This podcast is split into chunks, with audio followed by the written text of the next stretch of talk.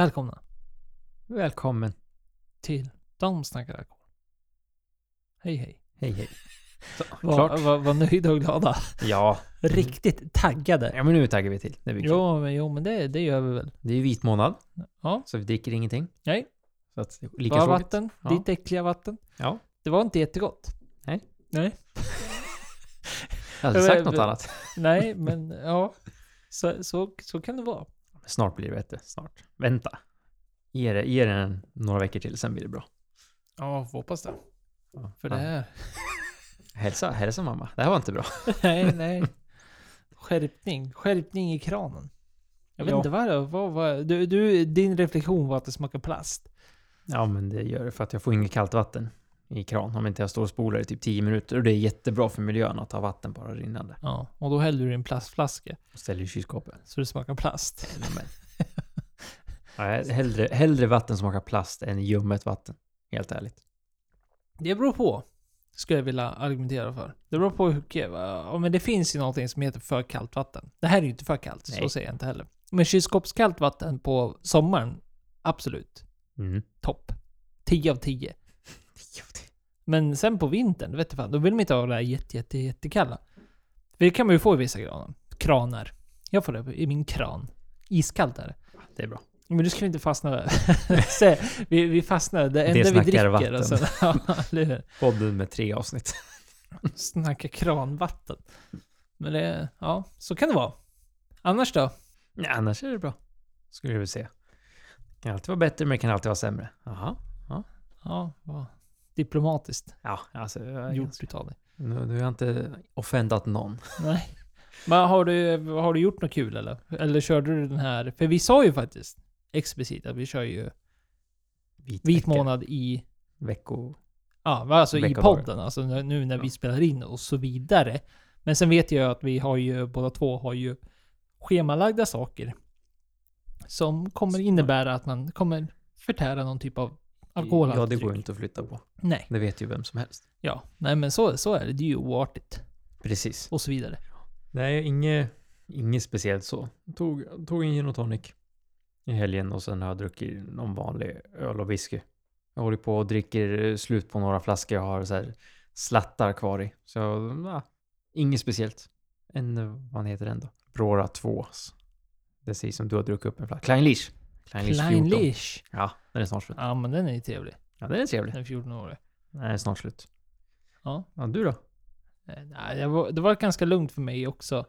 Jag har eh, druckit vin till maten. Det, det var liksom det jag gjorde. Så det var, det var väldigt lugnt.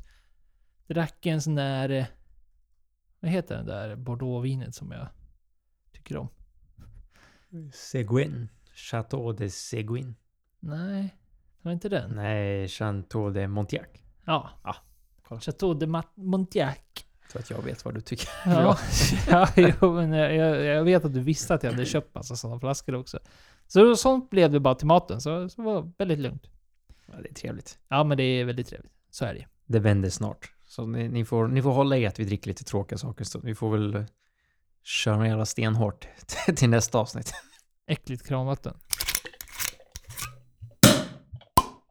Svenskt bränsle. Sänktes ju nu. Vid årsskiftet. Och nu verkar det som att det kanske sprider sig motsatt håll. Vi sänker våra och de kanske kommer höjas eller subventionerna kommer slopas i Tyskland. Och det här är ju... Händer ju grejer. Det är kul. Eller ja, kul är det väl inte, Kul, men det det, det är kul som en observatör. Och stå Ja. utanför och kolla lite. Ja, det är ju bönderna i Tyskland som kommer gå ut i, eller har gått ut i protest och strike och blockerar autobahn och jadra jadra jadra. Så att nu, det är ju sånt där som kommer påverka med, med transporter till och från landet och det är ju inte bara alkoholhaltiga drycker utan annat också.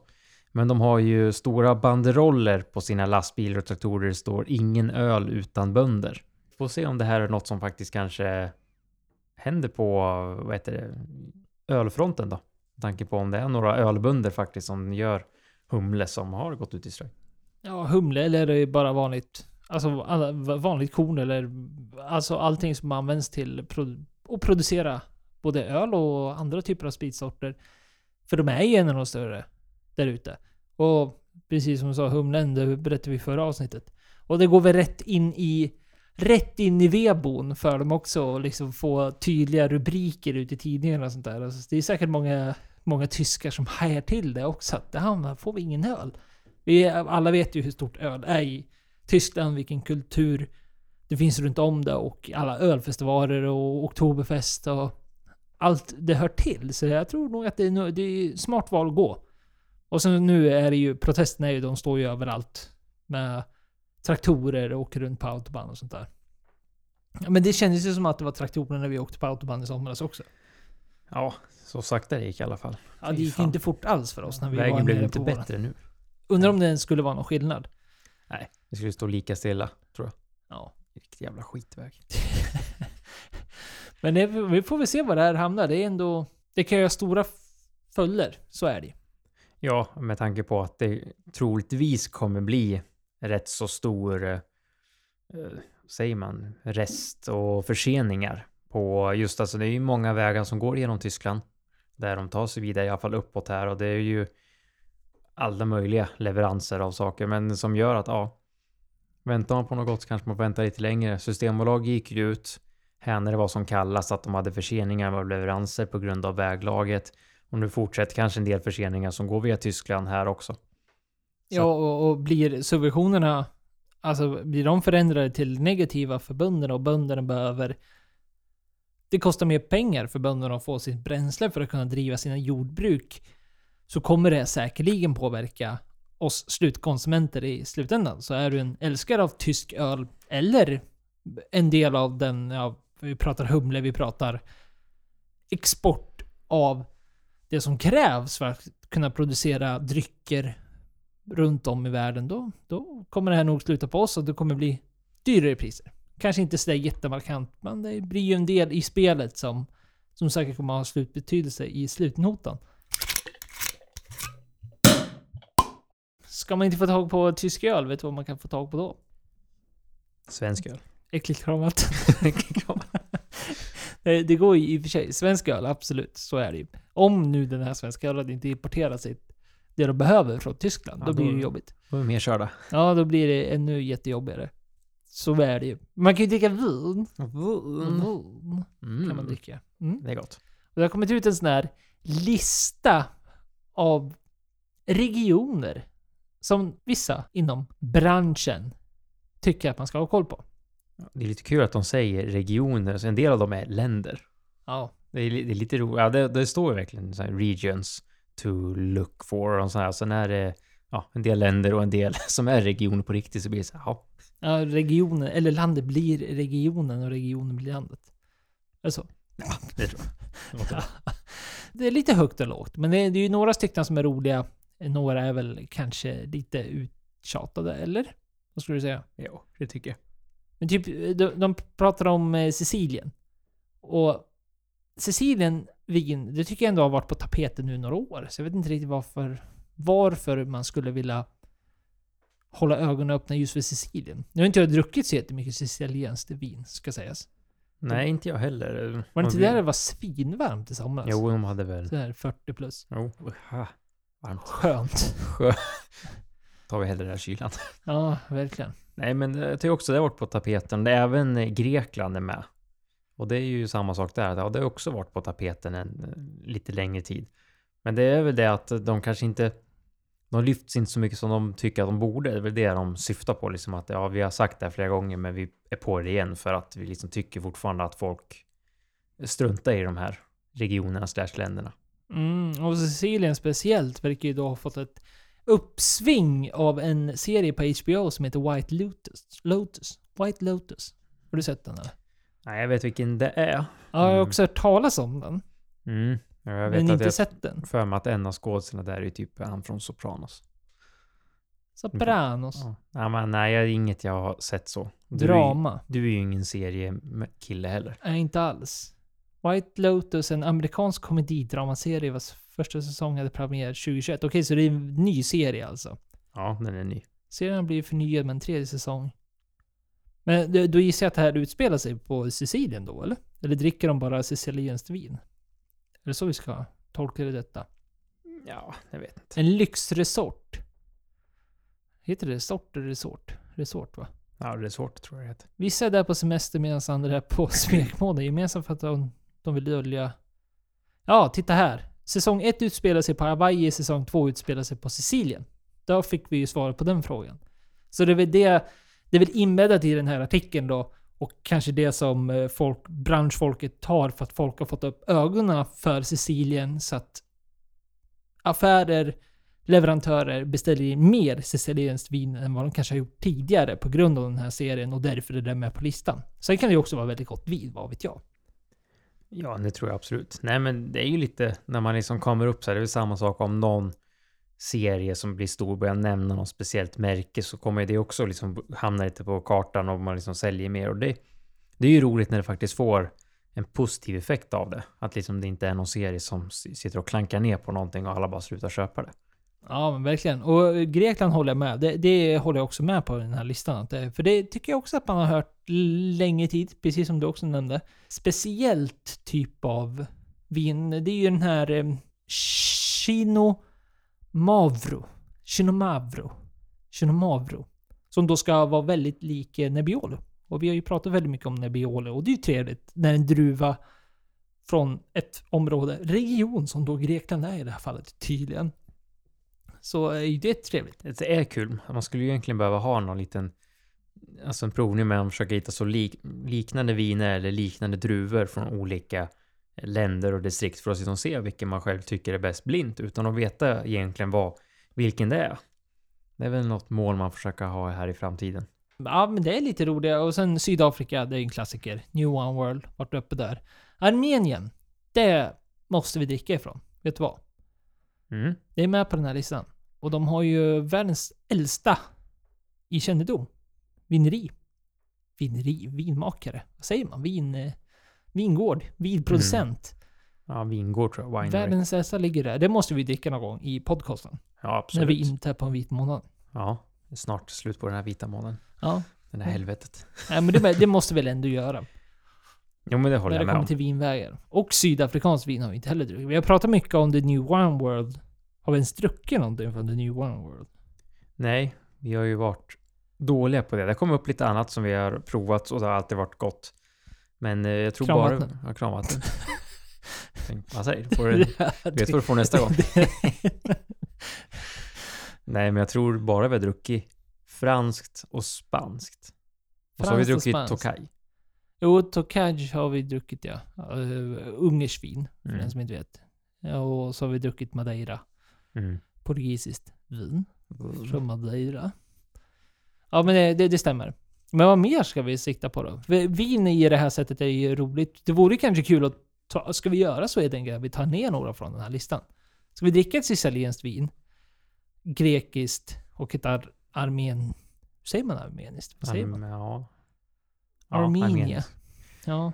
Vi är bra. Det går bra nu för oss. Ja, men Mycket vi, svåra ord. vi är ju riktigt vassa på det här. Ska vi satsa på det eller? Det tycker jag. Vi har ju om New Wine World. Vi har ju även varit duktiga på att nämnt typ Nya Zeeland. Som inte står med på den här listan. Men som också har fått väldigt bra på just Pinot Noir. Som vi inte heller har druckit någonting från. Nej, det har vi inte. Nej, det, det måste vi också göra. Från Central Otago. Som ska då vara riktig höjdare. Ja, Inte riktigt där uppe med fransmännen. Men det är, det är många som erkänner att dit kommer ingen komma heller. Säger de. Men eh, man hoppas väl att de har fel. ja, Ge, den- ge, den ge som dem lite tid. Så. Ja, den som lever får se. Men Ja, nej, det. absolut. Nu har vi satt lite mål för oss själva och det är bra. Det behöver vi.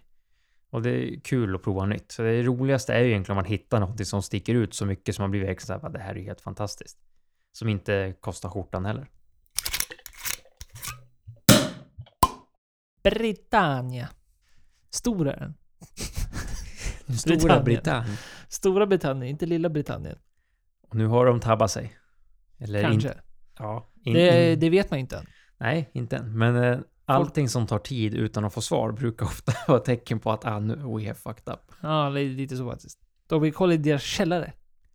Och det är ju deras, vad säger man, government's hospitality wine cellar. Så det är en vinkällare för, som de har, de bjuder massa andra, alltså i egendomen måste det vara. Mm. Alltså inom Men de inte bjuder på kranvatten. Nej. Och bara åh, åh, äh. Och då är det ju så att de har en stor vinkällare där de bjuder liksom eh, politiker och andra när de har möten och ah, annat tjottibang, vad säger man? Ja, det är väl helt enkelt... Eh, det, det är vin som ligger i en källare. Som är till för när folk kommer på... Det är statsbesök, det kan vara politiker, det kan vara folk som har någonting med the UK government att göra. Blir inbjudna och då ska man då ta vin från den här källaren. Och den här källaren då är ju, ja, som the government är, då betalda av skattepengar. Så att det är ju någonting som är offentligt. Det är offentligt att veta vilka typer av viner som ligger i den här källaren. Och det är ju här då skon klämmer lite grann. För att man inte har fått ut någon lista sen pandemin på vilka viner som ligger där. Och är där innan pandemin så var det ju 32 921 flaskor som låg där på ett värde av ungefär 3,2 miljoner pund. Det är ju mycket ändå. Det är rätt mycket pengar av Och det är några skattepengarna. Ja, man, man gissar väl att den här har fyllts på under en lång tid ändå. Får man ju gissa. Ja, precis. Man går igenom, alltså, de har inte så några stora listor, men under den här så listan som är 110 år gammal har de fyllt på. Och de har en flaska 1955 eh, Chateau Latour och så har de en massa olika champagne också som inte står med här. Nej, och den där Chateau Latour från 1955, det skulle man ju gärna kunna... Är det värt att ge sig in i politiken, vad det kan vara, bara för att eh, få sig en liten sittning med rojalitet? Nej, rojaliteten, de får ju säkert inte dricka de här vinerna. Det tror jag inte va? Där måste ju nog vara så här, endast politiker. Ja, det borde vara så. Och det säger jag, det här är ju bara en av flaskorna de har, så de har ju säkert ett gäng mycket finare. Och det finns en lista. Eh, vill man betala för att se listan kan man göra det. Vi gör inte vi. Nej, det är så intresserad är man ju inte. Utan det är ju snarare idén, konceptet i sig som är ganska roligt. Och nu har de ju då en policy att de bjuder bara på engelska viner. Eller från Storbritannien ska sägas. Det behöver inte nödvändigtvis vara engelskt utan kan väl vara från Wales och naturligtvis så blir det skotska whiskyn. Och det är ju ett roligt koncept att man har ändrat till det och släppt de här jättefancy fancy vinerna och sånt där och satsar på på det som görs inom landsgränserna. Men det här blir ju också, förutom idén då att, ja i det här fallet ta ha en vinkällare där de inte släpper, för det, säkert har det ju pågått någon typ av fuffens här, det får man väl ändå medge. Annars borde de ha gett ut listan direkt när den frågades efter. Du det, drar i tid. men de skulle släppa den där vid jul. Och de har fortfarande inte släppt listan. Och nu när vi spelar in så är vi inne 10 plus dagar i januari. Och det är väl det som säger att det är något fuffens eller så har det helt plötsligt försvunnit en gäng flaskor som borde finnas där. Det är ju det, alltså är inte det man tror mest, typ. Alltså, att- antingen är det ju så att under pandemin så drack de så himla mycket att de inte erkänna hur många, många flaskor de drack. Ja, för då fick man ju inte dricka. Det är Nej, det som är precis. grejen. Eller så är det så att de här finare flaskorna kanske är borta och så ska de redovisa vem. Det är väl det som blir fel, att har de här fina vinerna och champagnen och sånt försvunnit, då vill de väl kunna redovisa vilken dag de dratts och vilk, av vilka. Och det är väl säkert det här att de här flaskorna har försvunnit. Eller så är det någon eh, lat praktikant som inte orkat gjort listan. Eh, och dricka fick de, men ni förstår vad jag menar. De fick inte, under pandemin fick de inte ta emot besök, så att det här borde inte funnits någon anledning till att de skulle öppna någon av de här flaskorna. Och det är väl det man... Känslan är väl det, att de har druckit det.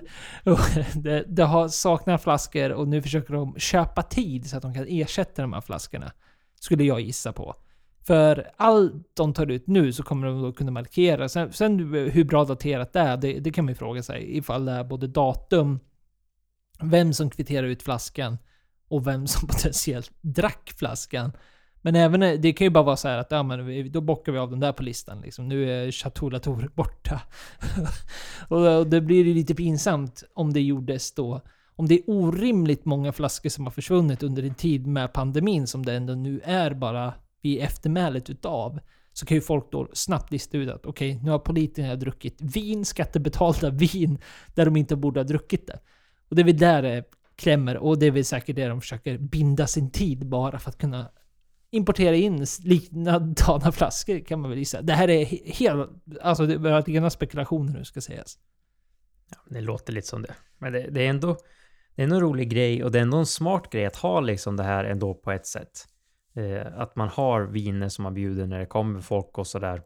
Över just alltså inom det här politiska världen så finns det ju olika länder som olika seder som liksom vill vill att det ska vara på ett visst sätt och kanske man måste bjuda på för att det, det är sån kultur det är. Och att då... Eh, man kan alltid ta det upp och ner och säga ska våra skattepengar gå till det här? Och då kan vi kolla på vårt egna kära kungahus. Hur, hur tror man de kör och hur de har någon stor vinkällare som de går och dricker ur eller är de inga finsmakare? Och vad, vad tror folk egentligen och vad vet vi? Jag tror inte de slår det brittiska kungahuset. Eller de franska? Nej, det är väldigt svårt att tro. Men de, de är ju lite av eh, fancy pansy. Det har vi ju sett genom historien. Och det var ganska nyligen då som kungahuset, alltså officiellt kungahuset, köpte ju en vingård i Bordeaux. Och det är ju faktiskt ganska roligt. Och det som är, är att de köpte ju vinslottet Chateau Bernadotte. Som då är ättling till våra, våran kungafamilj. Alltså det är ju kul att den kommer tillbaks till uh, släkt, eller vad säger man? Ändå, att det är ju på ett Den sätt. gamla franska kungafamiljen Ja. som är den så kallade svenska i, i efternamnsmässigt, ska vi säga. Jag är, vi, ja, vi har ju ingen, Han vi har ingen åsikt i det där. Nej, det, det hade ju varit roligare ifall det hette Chateau Jönsson eller någonting. Det går, går väl inte att motstå. Att det heter just Chateau Bernadotte. Det blir ju... Ja, det hade varit roligare med något, med något annat efternamn där. Men ja, vi- visst, absolut. Och sen vet jag, alltså köpte de, det, ja men det gjorde de faktiskt. För det Mm. var vinslottet Chateau Bernadotte. Okej, så det hette redan så? De är inte liksom så här, Nej, men om. slottet tillhörde ju den där, vad heter han, han som var fältherre eller något så till eh, Bonaparte. Napoleon, det han är ju släkting som de som Sverige importerade till Sverige och blev kung. Ja, det, som det var runt om i hela Europa där alla gifte sig med alla bara för att få fred och Mm. liksom få allianser och allt möjligt. Men skit i det. Det roligaste med det här köpet i alla fall, det var kungafamiljen, våran kungafamilj, kungahuset köpte det här, var ju kungens kommentar som då var Det har alltid varit min dröm alltsedan jag drack mitt första glas rödpang. Säger. Rödpang. Ja, det är just ordvalet rödpang. Det känns väldigt Jönssonigt. Ja, men han har ju alltid varit lite så. Ganska normalt, och det är väldigt trevligt när sånt här händer. Det är väl inga konstigheter med det. Och det är ju som säger, det står rödpang, så har tagit ett ett eh, chateau-slott i västra Bordeaux också. Det, är, ju så här, det låter så fancy pansy när han ska dricka sitt rödtjut. Ja, visst. Och det kostade dem hela 6 miljoner euro. Och det är ju en del pengar, men vi vet ju att kungahuset har väl en hel del större rikedomar än så. Men de dricker ju gott. Något som blev ännu mer kontroversiellt, som det var väldigt mycket snack om nu i somras, var ju just hur den svenska regeringen bjöd på sina viner. Och då var ju det mest snack när väl Zelensky var på besök. Ja, förutom att ut i Harpsund och robotar och allt vad de håller på med hela tiden så skulle det då bjudas på vin till den här middagen och jag tror det är många som läste den här nyheten när den väl kom ut. Men då blev det ju lite av ett ramaskri runt om i media och av eh, experter som då påstod att ska vi verkligen bjuda på sånt här vin när vi har sånt här besök? Alltså en president av ett annat land kommer och besöker. Vad ska en piska vara? Vad tycker du? Om, eh, om vi inte säger Zelenskyj ska, kan säga något annat. Det kan vara någon, helt enkelt. Regeringen bjuder in någon annan typ av motsvarighet. Vad är rimligt? Om man ska bjuda på ett trerätters, det blir toastkagen och... Ja, alltså, det är ju fortfarande roligt, eh, jag som England egentligen, att man försöker anamna eh, Sverige, att vi tar det vi har från Sverige. Om man säger att vi har ju svenska viner och vi har svenskt bubbel och vi har ju även bra svenska cider och hitta och även öl så kanske man ska försöka få någon bra blandning där. Men säg prismässigt, ja den är ju svår men jag tycker ju ändå att man ska försöka så långt som möjligt gå via det som landet har att erbjuda för det är väl det man ska bjuda. Toastkagen med eh, svenska räkor och så kör man någon Ja, man kör som nyår, en oxfilé och en svensk ox. Alltså om man verkligen går En tunnbrödsrulle. Ah, med pulvermos och kev. Jajamän, inget käbbel och en kung långburk. Welcome to Sweden. Hello. Då sitter en tia snaps framför den också. Bre-. Bredvid surströmmingsburken. Ja. Och sen en kladdkaka. Och en eh, Spraygrädde. stormarksporter till efterrätt. Fan vad mäktigt. Nej men det kan man väl bara hålla med om att det vore väl sunt ifall man följer efter Storbritannien i det här fallet och faktiskt satsar på att bjuda på svenska producenter. Och det var det här experterna också tyckte. När de väl fick frågan och då kommer det en eh, Linda Perez som är vinskribent på SvD. Hon gav vi då som ett förslag, precis som du sa. Och eh, hon föreslog pomologik, vildhumle, alltså svenska sidan som vi har pratat om tidigare här i podden. Inte just den då, men pomologik. Och sen en rosé från Ebba Renaissance. Ebba Renaissance brudrosé, säger hon specifikt. Så svenskt vin alltså. Och sen var hennes förslag att man skulle då ta som ett dessertvin så skulle man då ta ett ukrainskt vin som finns att köpa på Systembolaget för att få lite mer politisk connection där. Och det var väl i och för sig, det var väl bättre. För det de bjöd på, vi kanske ska, det måste vi ju nämna.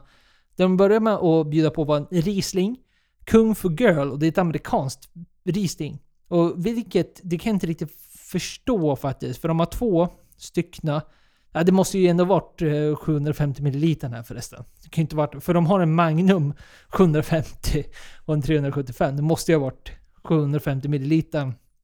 151 spänn. Kanske helt okej vin, jag har ingen aning. Men det är amerikanskt, det var väl det som var poängen. Och sen bjöd de på ett Dandelion Vineyards Lionheart of the Bar Barossa Shiraz. Och jag har ju pratat om, och vi har pratat om Dandelion här på podcasten också som en väldigt bra vinproducent. Men det är australienskt, kostar 131 kronor och folk tyckte väl att det var lite snålt. Pengarna tror inte jag har så jättemycket emot faktiskt. Alltså så här, för det, det är samtidigt fel att om det blir jätte, jätte premium. För då kan ju priserna anses vara någonting som man väljer beroende på vem som besöker. Alltså att besöker man någon och så gör man dem premium premium och så kommer någon annan så går du ner lite i klasser. Då kan man ju göra typer av ja, helt orimliga bedömningar av just prisklassen. Men det borde ju bottna i att det ska vara svenskt.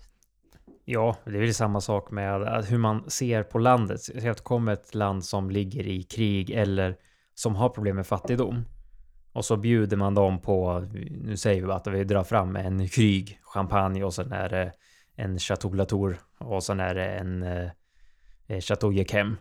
Svindyra viner, svindyr mat och vi som bara, vi har pengar, vi lever lyxen, men du kommer från ett fattigt land. Det kan också som säger, spegla åt fel håll.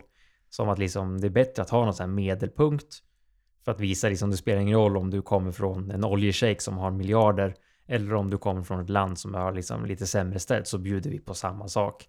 För det blir mer jämställt överlag som du säger så det inte blir att det visas olika beroende på vem som kommer eller att man visar att man har pengar. För att de kanske en del länderna som tycker sånt är bra, de vill ha det. Men så kommer någon annat och kanske de ser ner på oss och bara, "Ha, så vi, ni tycker att vi är dåliga för ni dricker bara det här till standard. Mm. De fick ingen varmbåge till exportsoppan. Var det tur det. Skandal. Bjuda det på... Fan, det är kanske det de skulle göra. De skulle checka in regeringen. borde, borde checka in The Snacker Alcohol gräsklipperavsnittet så får de ju riktiga tokbra Ja, vilken de ska eh, bjuda tips. på. Ja, vilken ska de bjuda på? En vanlig klassisk sommardag. Sitter ute i den där Harpsundekan, knäpper en kall. Vad ska de ta för någonting? Det är kanske det de... Ja. Ja, kanske behöver slappna av lite mer den där regeringen. De är lite Ja. spända tror jag. Nej, men tror du att... eh, För jag menar, man har ju aldrig hört talas om att vi har något liknande som det då publikt är känt, eller offentligt känt i Storbritannien, att man har en vinkällare eller något sånt där. Men det har man ju aldrig hört talas om här i Sverige och det skulle vi inte flyga heller med svenska alkohollagen och hur man ser på det. Finns säkert, bara inte vi får veta den. Ligger säkert under kungen där stället. Café Opera, det är hans vinkällare. Ja. Jo, men kungen, han har ju säkert. Han har ju saker. Men Det regeringen tvekar har jag inte. inte på. Nej, men regeringen, det, det känns som att det, det skulle väl aldrig flyga eller? Nej, jag tror inte det. Då kommer det är för mycket folk som är så emot sånt där och som säger våra alkohollagar, vi ska dricka med måtta. Så plötsligt sitter vi med hur mycket sprit Ja som men det är helst väl just alla. den, det, alltså alkohollagen, ha den alkohollagen, ha den alkoholpolitiken vi har. Vilket, ja men så här, om du för eller emot eller någonting, skitsamma. Det går ju inte att ha en regering som då motsträvar det aktivt. Det skulle inte, det skulle inte gå. När liksom hela grunden för Systembolaget, dess vision och den politiska visionen att man ska försöka dra ner konsumtionen så mycket som möjligt. Även om regeringen naturligtvis kan ju skifta antingen för eller mot dels monopol, men framförallt hur man då ska sköta hela den här. Men det har vi pratat om i så många andra avsnitt mer specifikt. För ja, det är viktigt att gå igenom alla perspektiv när det kommer till de här delarna så alla blir hörda. Liv om konjak. Vi har pratat mycket konjak på sista... Ja, jag vet inte. 1, 2, 3, 4, 5, 6, 7 avsnitten. Eh, känslan. Jag har även druckit konjak ganska nyligen. Mm. Och nu är konjak på tapeten igen. De försöker göra ett inslag. Det kanske är deras gigantiska droppet vi såg. Från 2023. Och nu, ja, det händer grejer i alla fall. Det är ju att konjak är ju regionstyrt och då får bara göras i regionen konjak i Frankrike. Får gö- bara göra på vissa druvor som då är ja, det som är de vanliga egentligen. Där Union Blanc, Colombard, Montillis, Folianos, ungefär Semillon och Folie Blanche. Nu har ju så att det stora konjakhuset Martell har tagit saken i egna händer och eh, odlat nya druvor och gjort konjak på de druvorna istället. Med tanke på det vi har rapporterat och sagt, konjak går ju neråt. Så det är ju inte så roligt för dem. Sen har det även varit tokvarmt och torka som gör att de här druvorna är väldigt känsliga för det. Som gör att du får en mycket sämre skörd. Så att eh, nu försöker de plantera druvor som då klarar av den här torkan bättre och gör konjak på det. Fast det inte är godkänt än enligt lag. Nej, de eh, gör ju på sig en så kallad liten luring här. Och hoppas väl på det bästa att det här är någonting som kommer bli inslaget i framtiden. Förbereda sig så att de ska få snurr på det här i god tid innan. Och sen, ja, det, det är väl en chansning. Samtidigt som jag tror att i det här fallet så kanske det finns några... För att hålla någon typ av jämn ekonomisk försörjning i, i en snarare framtid och en längre framtid så krävs väl det här. För att det är samtidigt, även om de kanske inte kommer kalla det för konjak eller någonting, så finns det väl ändå en ganska hyfsad story där. Även om de inte försäljningsvis kommer ha konjak över flaskan då och kallar det för konjak så blir det ju ändå det här Ja, det här är gjort i konjak fast det inte är konjak och det är gjort av andra druvor än Det, det blir väl en brandy? Ja men det blir ju... det blir ja, det en brandy bli- från konjak som inte är konjak. Ja, Om, det, det blir inte de får in, ja, om de inte de får igenom ny lag att de här druvorna är godkända att göra konjak på också. Ja, jag det går inte att argumentera emot att det absolut bästa för de här skulle ju säkert bli ifall de här blir godkända för konjak. Och det kanske är någonting som skulle gynna hela regionen konjak. Så som producenterna har det idag. Då man har jätteproblem att liksom försöka få fram druvor överhuvudtaget. Det, det är naturligtvis någonting som behöver evolvera med tiden. Så får vi se om fransmännen är med på det eller inte. Eller om de alltid ska ha det som de alltid har haft. Det visar väl sig. Men oavsett så Även om det inte skulle bli så, så är det ju fortfarande inte en dum satsning att göra om man nu tänker längre framåt. Just... Ja, men jag menar det att även om det inte får kallas konjak så kommer det kunna få kallas brandy. Du kommer kunna få göra... Producera en typ av vara i varje fall. Och sen blir det lite av den här storyn. Liksom konjaken som kommer från konjak som inte är konjak, men det kommer från konjak. Och, ja. Och det, Det har ju, något. Ja, det är också att vinrankerna tar ju lång tid att etablera sig, att kunna göra bra viner också. Så att börjar de plantera nu eller för något år sedan och börjar skörda så kanske de är så här, om det väl blir så illa att några av de här druvsorterna till slut kanske inte går att odla längre konjak på grund av eh, väderleken som blir. Så kanske det är så att då är de redan först på bollen och det är det de vill bli. Och som säger, blir de inte det kanske konjak blir mer en eh, en mer exklusiv vara för att det finns för lite kvar av den, just den här originalkonjaken. Men då finns det som de säger den här branding från konjak som tillverkas av eh, Martell som är en stor konjakproducent. Ja, men det krävs ju bara snygg paketering så skulle du kunna flyga ganska bra. Jag gissar att de får ju säkert benämna på en etikett att det är producerat i konjak. Fast det inte är en konjak. Jo men det får de ju. Och då Ja, som kan de säger. ju, men förstår du min Ja. vision? Då kan de ju på ett snyggt sätt paketera det här så att konjak kommer fram väldigt tydligt medan så här liksom, ja, har du en liten, som det kan vara ibland, när liksom är lite så här, Du, du, menar, du menar man skriver... fonten är svinliten. Man skriver så här, brandy from konjak! Ja, men precis. Stort. Ungefär som, Gigantiskt. som en del, det är ju någon whiskyflaska som har gjort likadant, som har skrivit 40% jättestort. Någon japansk tror jag. Så det ser ut som whiskyn är 40 år, men det är 40% som står. Eller så kör du en hel sån här... It's, it's not cognac, but from cognac. Eller något sånt där. Ja. Alltså dra någon, dra någon typ av eh, paketering som ändå får hem hela... Alltså, jag tror ju på det här ändå. Alltså det, det är ju ett nytt sätt och det, jag tror någon måste börja. Och då är det bra att det är något stort hus som faktiskt har lite pengar och ben att stå på så att de, liksom, de klarar av att göra en annorlunda och se flyger inte som säger blir inte godkänt, nej, då kan de göra något kul av det. Och, flyger det så, ja, då är de förberedda. Men det är svårt för en liten producent tror jag att försöka chansa sig till det här. Ja men visst, och det handlar ju väldigt mycket om... Man får inte glömma bort hur stor den här industrin faktiskt är, bakgrunden och allt det familjära, det historiska bakom en dryck så som konjak. Så att det är klart du skulle ta emot att ändra de här reglerna som väl finns i. Men gör man det av rätt anledning, det vill säga det här att man inte kan odla på grund av allting som händer runt om i världen på samma sätt som man en gång har gjort. Så är väl inget mer än rätt att man bara blandar i fler druvor, låter det fortfarande heta konjak. Och sen kanske man gör, inte vet jag, om man kompromissar då, så får du ha en, någon typ av label som är någon sån här klassisk konjak eller något sånt där. Så du skaffar en etikett, lablar en specifik konjak som görs på de traditionella druvorna och kallar konjak för det här nya.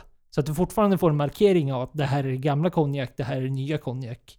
Men konjak fortfarande lever kvar som en dryck. Ja, det skulle ju kunna flyga. Nu, nu vet man ju hur svårt det är att få igenom nya regler på... Det är som att lära gamla hundar att sitta. Så här, det här funkar inte längre. Jo, så har det alltid varit. Så kommer det alltid vara. Så att det, är väl- det är väl men där typ det kommer... Synd. Ja, skon, skon kommer klämma där. Ja. För det kommer vara svårt att få igenom något nytt, skulle jag tro. Lös det. Precis. Nej, det är så här det alltid har varit. Nej, men det är kul att se. Och det är kul att någon tar initiativet. Och så här, börjar fler göra det så kanske de blir slut måste ändra sig. Och som vädret fortsätter, är det två, tre, fyra år till med samma skörd att flera druvor inte klarar då kanske de måste börja se över. Eftersom andra regioner har börjat plantera andra druvor som klarar sig bättre där nu som inte klarade sig där förut. Så att det, det är ju ett tankesätt och något att hänga med och titta på i alla fall. Världens varmaste år kom ut idag. Dagen vi spelade in det här, det har varit jättemycket om det här. Eller världens varmaste år, vad sa jag? Världens varmaste år. Ja, jag sa det. Jaha. I år? Det är svinkallt. Ja, men, ja, men nu låter som gamla gubbarna på sociala medier. Det är så de säger. Det är jättekallt. Det är jättekallt i november. Ja. Nej, så det är klart, sån, sånt har ju påverkan på saker som växer ur marken. Det förstår ju vem som helst. Aktioner. Lugna dig, lugna dig. Stäng inte av den. Stäng inte av den. Vi ska ha en liten summering. Vi har pratat jättemycket om aktioner, vi vet det. Ändå kul, tycker vi. så därför får du utsättas för detta.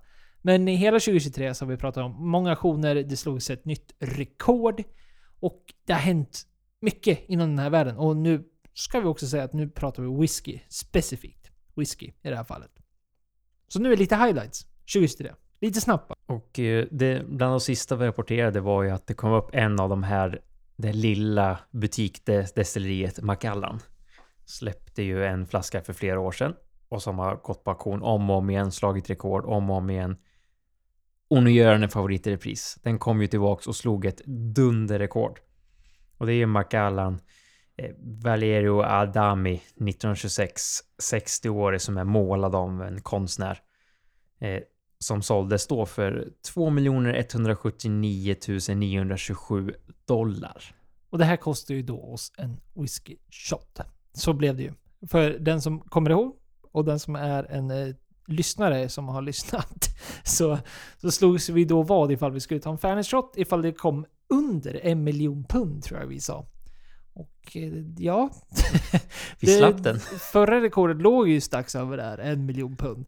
Så att vi trodde ju att vi kanske lekte lite eftersom auktionpriserna hade dykt fram till den här punkten. Samtidigt som vi då belyste att det var ju det var ju certifierat av eh, Macallan Master Distiller och eh, så vidare. Så att man visste ju att det här Jag skulle... tror att de korkade om den, att de tog bort korken och silade om den. Alltså de, de gjorde verkligen liksom så här för att den skulle bevaras. Och svindokumenterad och Ja, ja. skulle bli dokumenterad efteråt. Så att det här var ju liksom crème de la crème när det kommer till sånt. Ja, det är autentiskt och autentiskt det kan bli.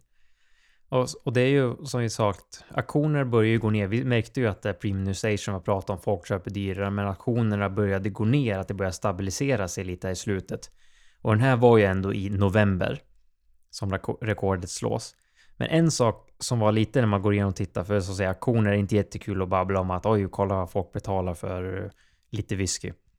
Men vi har ju även McAllan släppte ju den här 81-åriga The Reach. De som har inte sett den så är det tre händer som står och håller i en liten flaska. Som då också såldes på auktion i april förra året för 484 000 dollar. Men jag måste säga att den här flaskan är med fyra gånger på den här eh, topp eh, 20-listan. Eh, och det som billigast såldes den i december för 161 dollar. Eller 161 000 dollar. Att det är ett ganska stort hopp på samma flaska under samma år. Det är väl egentligen det man vill highlighta lite när man säger att det börjar stabilisera sig och folk kanske inte betalar samma pengar längre. Eftersom det kom enbart eh, 288 stycken av just den här flaskan. Så det är inte, det finns inte bara två flaskor ute, men eh, att ändå fyra gånger under samma år är den här med på listan och att den har skiftat med nästan 300 000. Ja, men det är markant. Visst är det så? Nej, och det, det är ju det är ju spännande tagning att se just följa det under ett helt år. Och sen måste vi även nämna nummer två här. För att, bara för att då få en typ av förståelse för kontrasterna och hur mycket den här nya rekordflaskan. Så på andra plats hade vi Bowmore. Bowmore stack 1962 55-årig whisky som såldes för 545 000 dollar. Alltså det är ju det är ett hopp av Guds nåde. Sen är det ju... Och sen ska det sägas att det, det var inte alltså... Det här var bara förra året ska vi säga. Återigen, det gamla rekordet låg på strax över en miljon pund, vill vi minnas. Också än Macallan 1926. Men även där ser du ju då kontrasterna att rekordet på Macallan gick alltså upp med så här 8, 800 000 eller någonting. Pund. På samma flaska. Det är helt stört hur det kan gå så här egentligen. Så det bland det sista vi rapporterade om var ju att det ser ut som att eh, det stabiliserar sig. Folk lägger inte lika mycket pengar på dyra flaskor. Men det är några märken blir undantaget för ja, Macallan, typ Baumor och de japanska Kurosawa, Yamasaki. De ser ut som att de, de fortsätter liksom ligga ganska stabilt på det här. Att det är liksom det är de som folk betalar för de vet att de får typ tillbaks pengarna eller kan tjäna pengar på det. Medan många av de andra flaskorna har ju stagnerat rätt rejält och sjunkit ganska mycket. Så vi får väl se nu vad 2024 kommer just med auktionpriser. Och vi kommer väl nämna när vi antingen tycker att det dyker upp något intressant, nya rekord släpps, det måste väl ändå nämnas. Men eh, vi får se. Nya rekord och nya bottennapp. Veckans släpp. Oj, oj, oj, vilken höjdpunkt. Nu klinsars det skinker och spänning vad som kommer väljas. Vad ska man sitta på knappen och knappa in nästa vecka som kommer? Vad säger vi? vad bjuder du? Vad kommer du med? Jag tycker det roliga är ju ändå att vi valde samma båda två. Ja, faktiskt. Så att vi, vi väljer att det blir en varsin. Men annars hade vi valt två så hade vi valt precis samma. Så att det är ibland... Men det är väl ändå kul. Vi kan väl dela på det här släppet då? det kan Årets andra göra. släpp och sen delar vi på... Delar vi Det är på. det vi tänker säga. Ja, En, en Bart Clinch var. ja. Och det blir ju... En av dem är en whisky. En whisky som jag pratade om tidigare i podden. Och det är... Inte just den här då, men samma märke. En Benromac Peat Smoke Sherry Cask Finish. Kommer släppas den 19 i första. Kommer kosta 679 kronor på 46%. Och vi pratar om Benromac. eh, Ägs ju av Gordon MacPhail som vi också har nämnt. Som då har nu har slutat fyllat nya tunnor. Vilket också är tråkigt. Eftersom de då var independent bottlers. Ja. I grund och botten egentligen. Och det är så de har blivit kända över tiden. De har valt att bara lägga ner det där. Och låta det de har på hyllorna bli klart. Det kommer de sälja iväg. Men de lägger inte på något nytt. Och satsar istället på destillerierna de då har anskaffat sig. Och Benromac har ju visat sig att faktiskt leverera väldigt, väldigt bra eh, whisky. I alla fall, jag skulle säga att kanske inte för nybörjarna, för det är ändå lite, lite feist i dem. Och eh, brukar vara Nej, väldigt... Vad sa du? Det är gott. Ja, det är gott. Det är jättegott. Det, det är ju Det- menat, därför vi liksom vill highlighta här igen. Mm, mm. Förra året fick vi ändå ett gäng trevliga. Det brukar komma någon cast strength, det kom en 15-åring och det kom någon organic. Alltså de, har, de kommer lite bra. Prispunkten är bra med tanke på att allt går upp, allt blir dyrare. Så är det ju ändå en en whisky för 679 kronor som jag absolut tycker är överenskommet. Ja men absolut, alltså det, det är en jättehög kvalitativ procent. Det här, Smoky Cherry, jag menar, det har vi pratat också om tidigare, hur det liksom går rakt, rätt vägen in i liksom vedbon för den svenska whiskykonsumenten. Absolut. Och det gör ju att det, är liksom, det här blir det man suktar efter lite grann. Sen kanske många ska säga att ah, men jag tycker det ska vara 50%. Fast 46 räcker om du, liksom, du vill ha en bra enkel whisky som du kan ge bort till någon som är lite whiskyentusiast. Du vill själv ha en whisky utan att behöva känna att du måste vattna ner den eller behöver leta på någonting för att liksom så här att det ska hända någonting. Alltså, du får en bra enkel whisky som kan stå i skåpet. Som, jag tror det här är en säker dram. Ja men verkligen. Det, är- det är otroligt schysst minimum får man säga. Alkohol, ABV-mässigt alltså. Så att eh, vårat första släpp blir en Ben Romac Peat Smoke Sherry Cask Finish 2014 som släpps den 19 i första. Till detta så kanske man vill ha något annat än äckligt kranvatten. Har man gott kranvatten, ja men då är det gott. Det är alltid gott att slänga i, även 46%. Det går att slänga i lite och få lite nya aromer och lite annat som utvecklas i glaset. Var inte rädda för det. Det är trevligt att sitta och experimentera lite grann. Då. Det är alltid kul. Men ha bra vatten. men eh, man kanske vill skölja ner detta med en öl istället. Och då tar vi klassiker. En gigant har blivit nu på den svenska hantverks bryggerimarknaden, Även så här hur mycket de producerar, men även hur mycket det finns tillgängligt runt om i Systembolagen så är det Poppels som släpper Seattle Pale Ale för 27 kronor den 19 i första på 5,4 procent. En vanlig klassisk Pale Ale och det, det slår nästan aldrig fel det heller. Och Poppels är ju en bra producent, dricker mycket av dem och så att eh, det är också så här, det är inte så mycket mer att säga egentligen. Du får en bra öl och 27, 27 kronor. Eh, det är liksom, det är inte heller så farligt tycker jag inte. Jag vet inte vad de flesta ligger på nu av Poppels. De har ju som säger, de finns på typ varje systembolag. Även så kan, eller jag vet inte vilka, men några brukar finnas. Men väl del av deras succé att de alltid har hållit en ganska bra nivå rent prismässigt. I alla fall har hållit en stor, eller en del av sitt sortiment till ett väldigt fördelaktigt pris för många plånböcker där ute.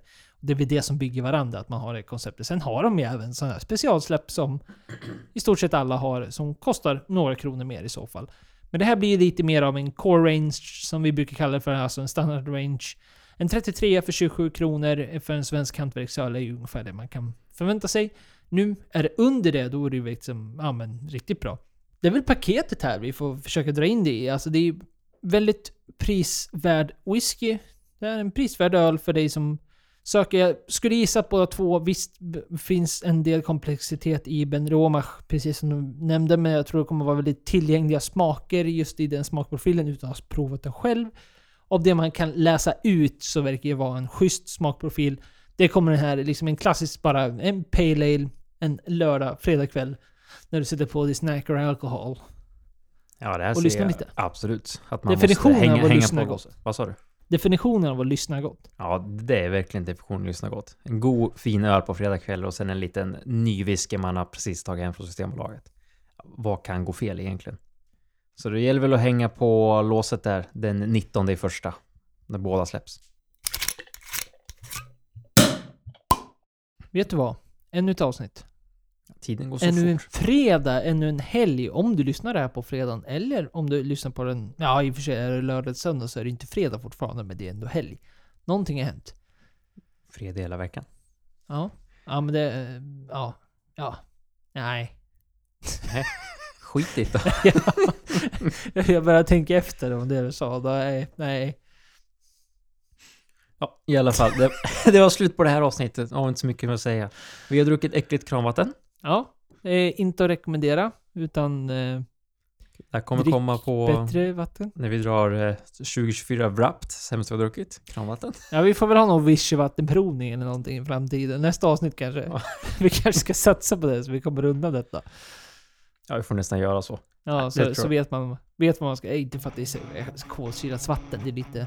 Ja, jag vet inte. Det är... Ja. Vi tar alla det nästa vecka. Så bara. Alla? Alla Lokas. Det, det är väl hur många som helst eller? Ja, Folk... Ja, det blir dyrt. slänger i sig det där. Ja, visst. Ja, det kommer det bli i så fall. Mycket att släpa om ingen... Nej, vilket jävla elände. Men det är skitdyrt. Ja. Men vi tackar så mycket som vanligt för att du har lyssnat på detta avsnitt och vi gillar verkligen att ni blir bara fler och fler och det är ju riktigt roligt att se. Och var inte rädda och hör av er till oss på antingen våra mail eller sociala medier ifall du har några funderingar, kommentarer eller bara ett instick på någon av våra diskussioner vi haft under avsnittet eller vad det nu kan vara. Så dela med dig av dina åsikter. Och du hittar oss som vanligt på Det snackar alkohol på både Facebook och Instagram och sen även som du sa mail på kontakt desnackaralkohol.com. Och eh, med detta så häller vi ut det sista äckliga kranvattnet och så hörs vi nästa vecka.